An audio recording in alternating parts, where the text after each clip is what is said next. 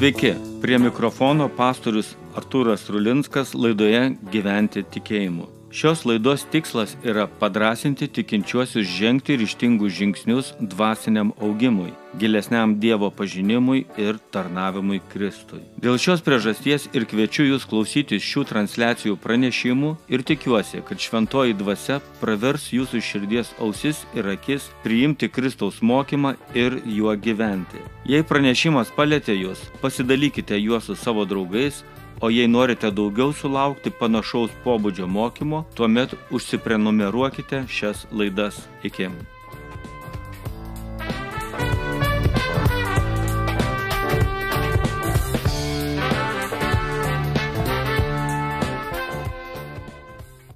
Antras Advento sekmadienis ir su antruoju Advento sekmadieniu noriu pakreipti mūsų mintis į tai, kad tikėdami Kristų mes gyvename naujo pasaulio laukime. Mums yra įprastas toks mąstymas. Jeigu jau laukiame kažko tai naujo, tai turbūt jau tai, kas sena, atitarnavo, nors gal dar ir veikia, bet jau reikia naujo. Naujas turėtų būti geriau už seną. Komet mes kalbame apie pasaulį, tada kodėl mums reikia naujo pasaulio? Ar šis pasaulis yra kažkuo tai blogas, jis kažkuo tai man netinka, ir manęs netenkina, bet vat, mes laukiame naujo pasaulio. Asmeniškai aš galvoju, kad man šitas pasaulis tinka, aš jame gerai jaučiuosi. Tačiau amžinai gyventi nenorėčiau jame. Kol dar esu sveikas, gaunu atlyginimą, esu reikalingas savo šeimai, bažnyčiai, jaučiu gyvenimo prasme, kuriam laikui šis pasaulis nuostabus. Bet žinau, kad ateis dienos, kuomet viskas pasikeis. Šią savaitę buvau vieną popietę pavažinėjau su maisto banku ir vežiau maisto davinius. 15 taškų ir dauguma žmonių, kuriems vežiau, buvo pensininkai. Pensinio amžiaus, pusė iš jų buvo su negale, kad reikėdavo maistą įnešti į namus, nors sakė, kad reikia prie durų panešti, bet močiutė sako įnešk. Ir teko matyti vat tuos žmonės, kurie jau vieni sako, nebejaučiu maisto skonio, nemiegu, esu vienišas, artimųjų neturiu ir tie žmonės patiria vargą ir kančią. Pasidžiau statistiką, Lietuvoje šiuo metu 613 tūkstančių, čia porą metų statistika, bet apie 613 tūkstančių žmonių, kurie jau gyvena ir yra pasiekę savo rudenį.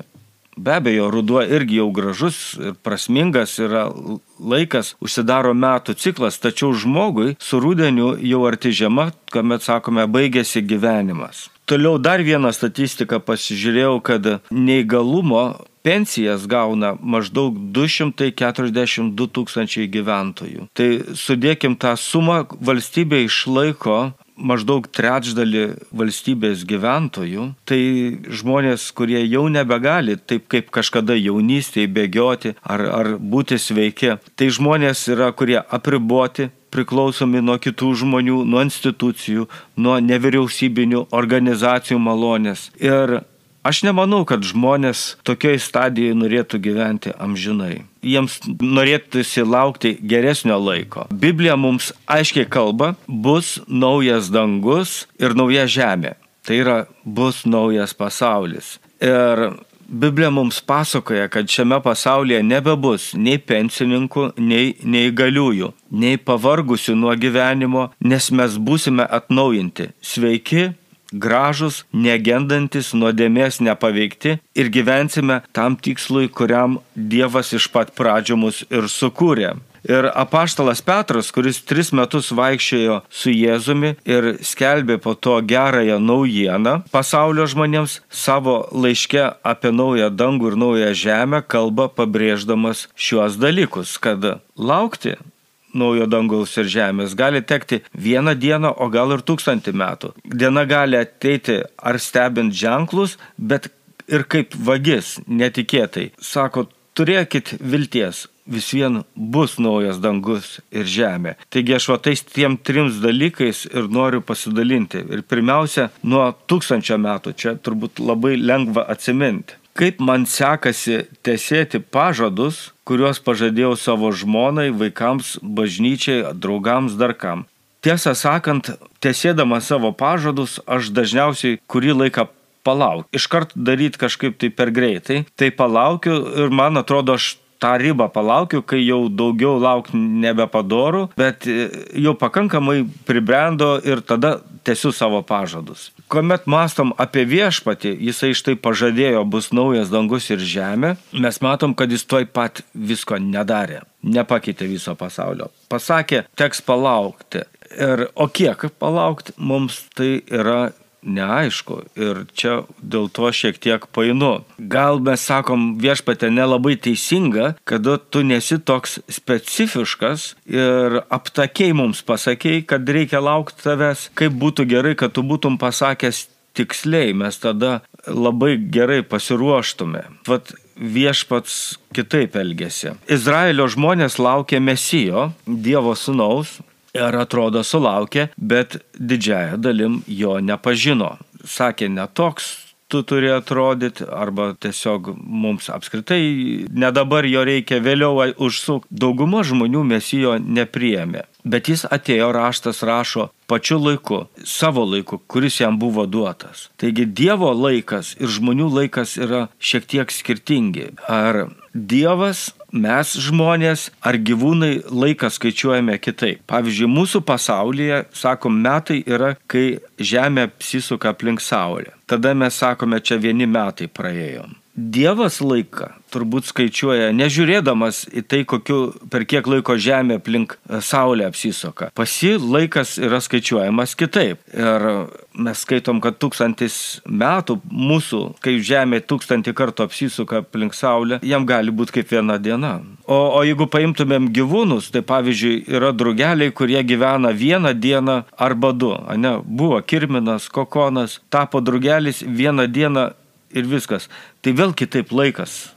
Apaštalas Petras, kai čia vat, rašydamas šią ištrauką, jisai pacitavo 90 psalmę, prisimindamas kūrinijos pradžią. Sako Dieve, tu dar atsimeni, kaip kuriai žemę dėjai pamatus, kaip kalnai buvo gimdomi. Tai viešpačiui tie kalnai, kada jie buvo gimdomi, tarsi vakar. O, o mokslininkai mūsiškiai, kai skaičiuoja, sako, o tai yra šimtai tūkstančių metų, o gal net ir milijonai. Ir, o viešpačiui tai kaip vakar. Viena diena viešpačiui, o mūsų pasaulį labai didžiulės permainos. Per tą vieną viešpatės dieną buvo jau ir didelės ir stiprios civilizacijos, kurios iš, iš, išnyko, kultūros persimainė, pasikeitė kartų kartos, pasaulis tapo nebeatpažįstamas. Deja, mums nėra duota pragyventi ne vienos viešpatės dienos. Kai Adomas ir Jėva nusidėjo, viešpats pasakė, valgysi uždraustą vaisių mirsi. Ir Adomas Jėva valgė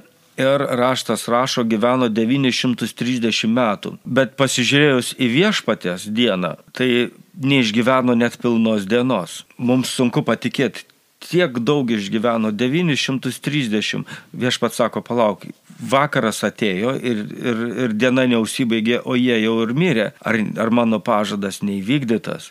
Viešpats kitaip laikągi skaičiuoja. Dar daugiau matydama žmogaus nedarumą, viešpats dar dešimtadaliu su, sutrumpino gyvenimo trukmę ir mes gyvename net dešimtadalio to, ką Adomas ir Jėva neišgyvename. Žmogaus polinkis į piktą trumpina jo dienas. Biblija moko neslėpk pranašiškų žodžių, nes laikas trumpas. Apriškimo knyga sako laikas trumpas. Pamokamai kalbantis Dievo žodį apie laiką visuomet sako, laiko yra mažai. Išnaudokime laiką ir panašiai. Nėra tokios vietos, kur Biblijoje Dievas sakytų, laiko turit dar labai daug, dar galit atsipūsti ir laiko turit tikrai daug. Žvelgiant į teologinę perspektyvą, kurią Petras duoda. Sako, viešpats negaišta ir viešpats elgesi kantriai. Šito teologinės perspektyvos didžiausias, svarbiausias, reikšmingiausias tikslas yra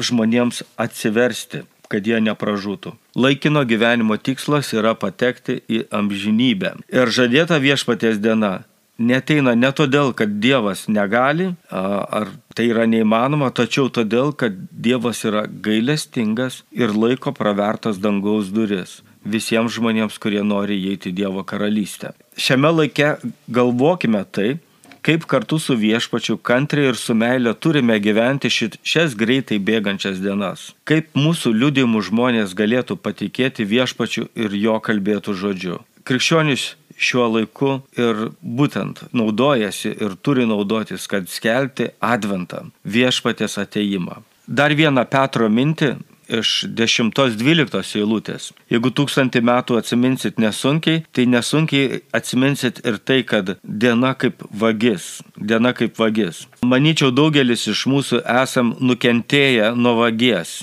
Turiu prisipažinti, aš irgi esu buvęs vagis. Paauglystėje su draugais esu pavogęs dviratį, kurį teko po to gražinti ir eidavom dar vokti braškių. Vagystėje visada yra netikėtumas, praradimas, nusivylimas ir skausmas. Vagis laukia tinkamo momento, kad, kada jų niekas nemato ir todėl, kai daiktas dinksta, iš pradžių žmogus stebėsi. Padėjau, juk buvo čia, bet jo nebėra kažkokia klaida. Tik po to supranta, taigi vagis buvo čia ir, ir jį paėmė. Vagystės pasiekmė tai, kad kažkas gauna naudą, kai kas patiria nuostolius, nors, nors iš tiesų pats vagis didžiausius nuostolius patiria. Petras kalba, viešpatės diena ateis kaip vagis. Ir viešpatės vagystę kaltinti yra nepadoru, manyčiau čia, kad esmė yra dienos netikėtumas. Netikėtumas. Šį teiginį mąstydamas taip pakomentuočiau. Tam, kas nesitikė ir nelaukia šios dienos, ji ateis kaip vagis. Tas, kuris gyvena žinodamas ir laukdamas įvykstančių pasikeitimų, ta diena yra pranašyščių išsipildymas. Taigi pirmiausia apie tikinčiuosius, kurie laukia viešpaties dienos. Ką daryti tame laukime? Petras sako, ogi reikėtų pasižymėti šventų gyvenimu ir maldingumu. Kaip mes laukiam viešpaties dienos? Šventų gyvenimu ir maldingumu. Reiškia taip, tai, ką man siūlo nuodėmė, aš stumiu į šalį. Pykti, smurtą, žeminimą, vagystės, įžeidimą, kitos skriaudimą, savanaudiškumą, išdidumą, puikybę ir panašius dalykus. Aš stengiuosi gyvenime, man gyvenimas daug sudaro situacijų, kad aš taip elčiaus, bet aš stengiuosi tai stumti į šalį. Vietoj to laikausi įsitikinimo gyventi tikėjime, meilėje, rūpestyje kitu, teikiant pagalbą, artimą padrasinant, nuolankumą sustiprinant. Mano gyvenimo būdas labiau vat, toksai, vienus dalykus stumiu, o kitus traukia, nes nesvarbu kokia tai kaina. Gyvenimas šventume, nuodėmingame pasaulyje netgi labiau yra nuostolingas, ekonomiškai tai tikrai, bet mano sprendimas aš to atsisakau, nes aš noriu gyventi ir gyvenu laukdamas viešpatės dienų. Krikščionių kalendorijoje esantis Advento laikotarpis tai keturių savaičių primenimas metų eigoje, kad esame pakviesti gyventi šventume ir maldingume. Be bejonės mes turim dar kas septintą dieną, taigi tų dienų gana daug yra. Gyvenkime šventume ir maldingume.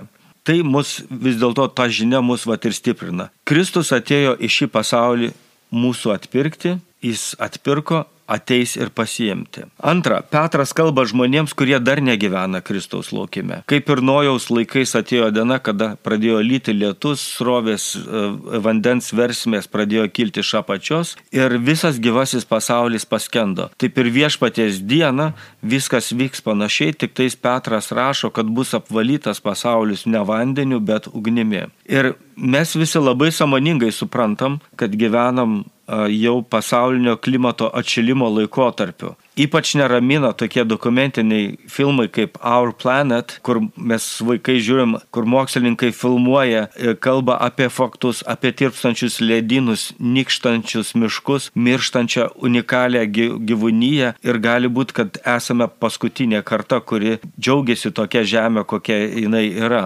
Kokios bus atšilimo pasiekmes nežinom, bet Petras aprašo kad stikijos nuo karščio suirs, žemė su savo veikalais sudegs, degs, dangus suirs liepsnuose ir stichijos sutirps iš karščio. Kai dar nebuvo klimato atšilimo, jis jau tuos dalykus rašė. Gali būti, kad jo žodžiai čia daug simbolikos ir metaforų, tačiau jis aprašė tą ateitį, kurią girdėjo iš Jėzaus asmeniškai arba jam tai buvo apreikšta kažkokiame tai regėjime. Viešpatės diena su kaitra atneš daug kančios, tarpusavio kovų, nevilties, žmonės gelbėsis, kaip kas išmanys. Vieni stengsis gyventi iš anksto įrengtuose bunkeriuose po žemę, kiti galbūt sės erdvėlaivius ir skris į tolimas planetas, kur ieškos panašių gyvenimui sąlygų. Visa kada tai atsitiks mes nežinome, bet diena ateina kaip vagis. Nori viltingą dalį, nori dabar pasidalinti. Nauji dangus ir nauja žemė. Kai